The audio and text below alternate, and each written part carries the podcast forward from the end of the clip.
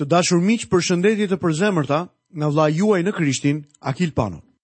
Ju uroj mirëseardhje në emisionin e sotëm dhe ju kujtoj që jemi duke studiuar Fjalën e Zotit në librin e Ligjit të Përtërirë dhe sot do të ndalemi në studimin tonë në kapitullin e 7 të këtij libri. Tema që do të shqyrtojmë mbi këtë kapitull është Izraeli duhet të ndahet nga kombet e tjera. Lexojmë pa u vonuar në kapitullin e 7 të Ligjit të Përtërirë, vargun e parë dhe të dytë. Kur Zoti Perëndia yt do të të fusë në vendin ku ti po hyn për ta zotëruar atë dhe kur të ketë dëbuar përpara teje shumë kombe, Hitenjt, Girgashenjt, Amorenjt, Kananenjt, Perezenjt, Hivenjt dhe Gebusenjt, dhe kur Zoti Perëndia yt t'i ketë lënë në pushtetin tënd, ti do t'i mundësh dhe do të vendosësh shfarrosjen e tyre, nuk do të bësh asnjë aleancë me ta dhe nuk do të tregosh asnjë mëshirë ndaj tyre. Kjo është një gjuhë shumë e ashpër. Mbani mend që Zoti tha, ti nuk duhet të vrasësh. Ky është një urdhërim kundra antipatisë personale, urrejtjes personale që të çon të kryesh vrasje. Fjala hebreje është ratsach, Këtu ata urdhërohen të shkatërrojnë këta njerëz që jetojnë në vend. Dhe për këtë përdoret një fjalë krejt tjetër, e cila është sharam, që do të thotë t'i kushtohesh Perëndisë ose shkatërrimit. Ju mund të mendoni që kjo është e tmerrshme. Liberalët e sotëm e urrejnë Perëndinë e testamentit të vjetër. Kam dëgjuar dikë që e quante Zotin një gjigant shkatërrues.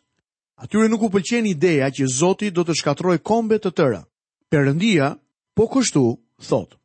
Lexojmë vargjet 3 dhe 4. Nuk do të lidhësh martesë me ta. Nuk do t'u japësh bijat e tua bijve të tyre dhe nuk do të marrësh bijat e tyre për bijtë e tu, sepse do t'i largonin bijtë e tu nga unë për t'u shërbyer perëndive të tjera dhe zemërimi i Zotit do të ndizej kundër jush dhe do t'ju shkatërronte menjëherë. Këtu jepet arsyeja për urdhërimin e Zotit. Këta njerëz ishin përpirë nga sëmundjet veneriane. Nëse Izraeli do të kishte bërë martesa me ta, atëherë ata do të kishin shkatërruar racën. Moisiu nuk merrte vesh shumë nga mikrobet, por Perëndia dinte gjithçka për to. Këta njerëz ishin aq të ndotur dhe të korruptuar, saqë Perëndia i nxorri jashtë vendit. Por jo vetëm kaq, ata ishin idhujtarë dhe do ta kishin drejtuar edhe Izraelin në idhujtari. Kështu Perëndia u thotë se duhet të shkatërrojnë altarët dhe të thyejnë imazhet e tyre. E gjithë influenca ndotëse duhej të shkatërrohej plotësisht. Perëndia i jep Izraelit një paralajmërim solemn. Nëse do të lidhnin martesa me ta dhe do të ktheheshin ndaj perëndive të tjera, Zoti do t'i nxirrte jashtë vendit Perëndia i thotë hapur Izraelit se ai është Zot i dashurisë. Ai i jep këto urdhërime sepse ai i do ata dhe nuk do që populli i tij të shkatërrohet. Lexojmë vargjet 6 dhe 7. Meqenëse ti je një popull që është i shenjtëruar tek Zoti, Perëndia yt, Zoti Perëndia yt të ka zgjedhur për të qenë thesari i tij i veçantë midis tërë popujve që ndodhen mbi faqen e dheut. Zoti nuk e ka vënë dashurinë e tij mbi ju, as nuk ju ka zgjedhur, sepse nuk ishit më të shumtë nga asnjë popull tjetër. Ju ishit në fakt më i vogli i të gjithë popujve. Ata nuk ishin kombi më i madh. Izraelitët nuk mund të krahasoheshin me Kinën, Indinë apo kombet e tjera të botës. Lexojmë vargun e 8. Por sepse Zoti ju do dhe ka dashur të mbajë betimin që u ka bërë etërve tuaj, Ai ju nxorri me një dorë të fuqishme dhe ju shpëtoi nga shtëpia e skllavërisë, nga dora e faraonit, mbretit të Egjiptit. Besoj se e mbani mend se tek Eksodi, Perëndia dëgjoi thirrjen e tyre të pikëlluar. Ai u përgjigj se i donte. I çliroi nga skllavëria për këtë arsye. Ai e përsërit këtë gjë. Lexojmë nga vargu i 9. Prano pra që Zoti Perëndia yt është Perëndia, Perëndia besnik që respekton besëlidhjen e tij dhe tregohet i mbarë deri në brezin e njëmijtë ndaj atyre që e duan dhe që zbatojnë urdhërimet e tij. Cila është përgjigja e njeriut ndaj dashurisë së Zotit? Bindja e tij. Por u përgjigjet menjëherë atyre që e urrejnë, duke i zhdukur. Ai nuk vonon, por do t'u përgjigjet menjëherë atyre që e urrejnë. Prandaj respekto urdhërimet, statutet dhe dekretet që po të jap sot, duke i zbatuar në praktikë. Perëndia do të bekojë çdo popull që i përgjigjet dashurisë së tij me bindje. Lexojmë vargun 12 dhe 13. Kështu në rast se ju keni parasysh këto ligje, i respektoni dhe i zbatoni në praktikë, Zoti Perëndia juaj do ta mbajë besëlidhjen me ju dhe dashamirësinë për të cilën u është betuar etërve tuaj. Ai do të të dojë, bekojë dhe shumëzojë, do të bekojë frutin e gjirit tënd dhe frutin e tokës sate, grurin tënd, mushtin tënd dhe vajin tënd, pjelljet e lopëve dhe të deleve të tua, në vendin që u betua, t'u japë etërve të tu. Sa e mrekullueshme do të kishte qenë, sikur Izraeli t'i kishte besuar Perëndisë. Perëndia e inkurajon ata dhe u premton atyre fitore. Besnikëria e Zotit në të kaluarën duhet të jetë një inkurajim për ata në të ardhmen. A nuk është edhe me ne pikërisht kështu? Lexojmë vargjet 21 dhe 22. Mos ki frikë prej tyre sepse Zoti Perëndia yt është në mes jush, një Perëndi i madh dhe i tmerrshëm, Zoti Perëndia yt do t'i dëbojë pak e nga pak këto kombe para teje.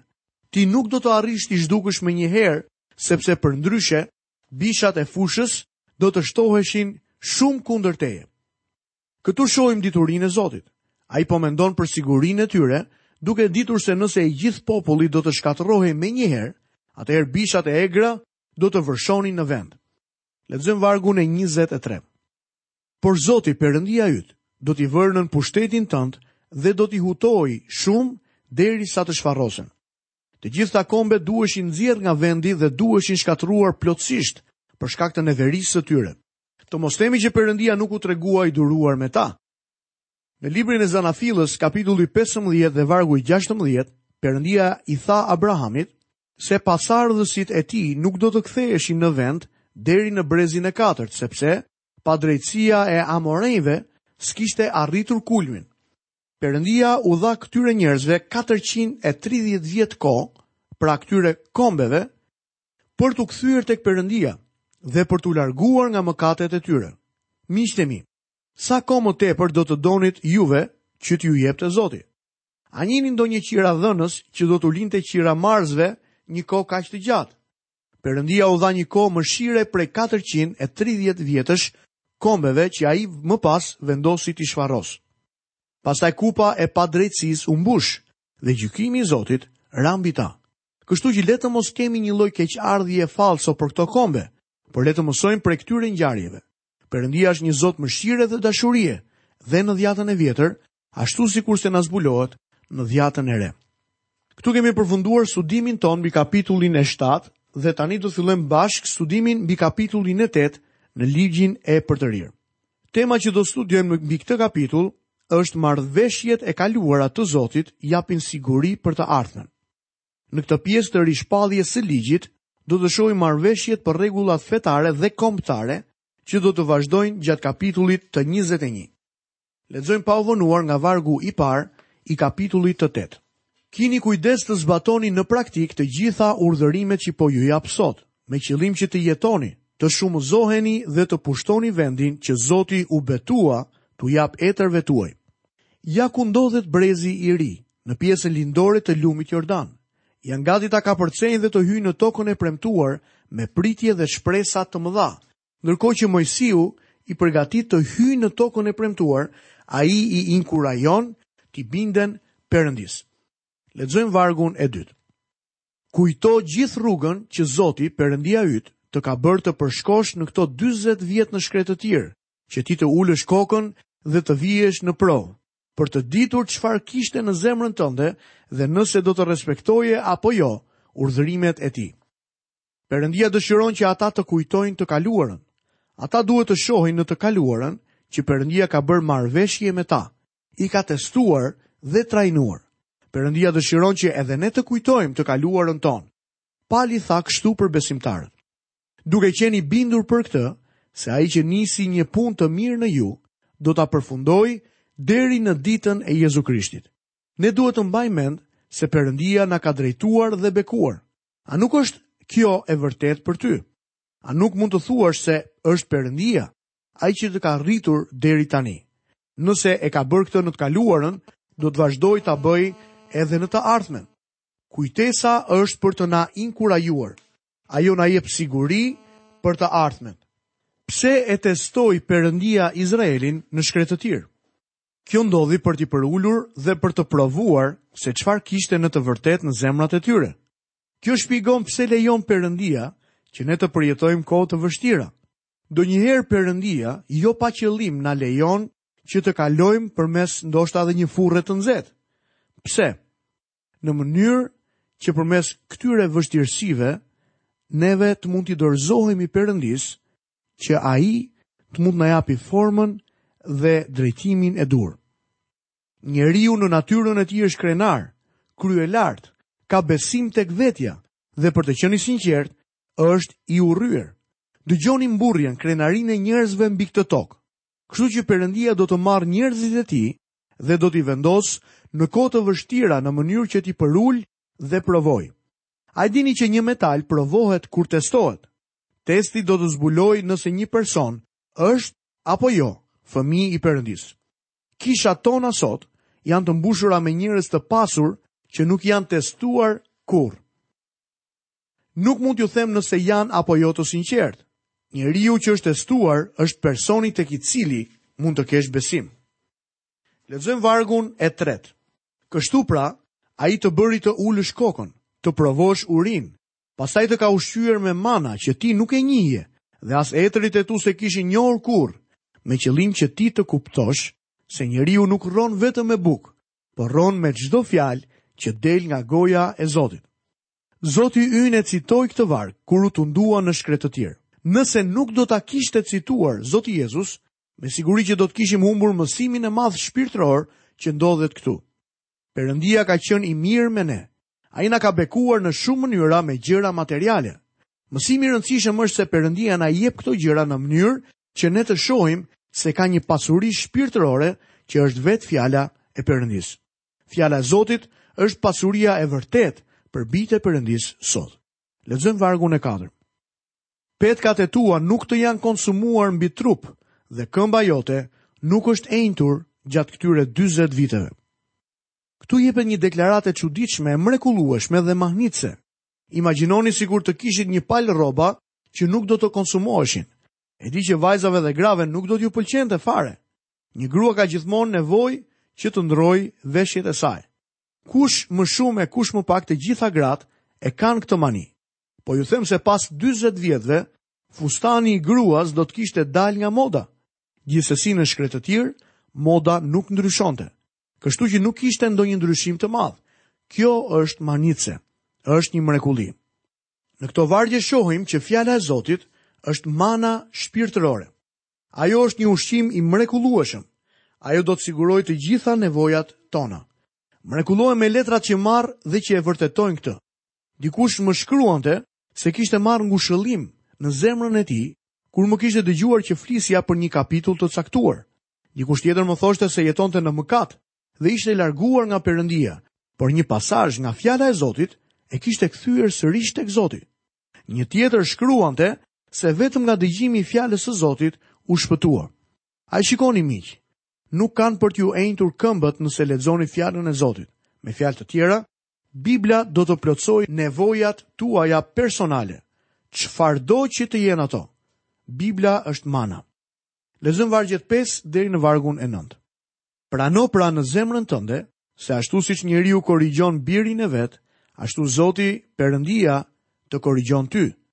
Prandaj zbato urdhërimet e Perëndisë të Zotit tënd, duke ecur në rrugët e tij dhe duke ia pasur frikën, sepse Zoti Perëndia yt po të bën të hysh në një vend të mirë, një vend me rrjedha uji dhe me burime që dalin nga luginat dhe nga malet.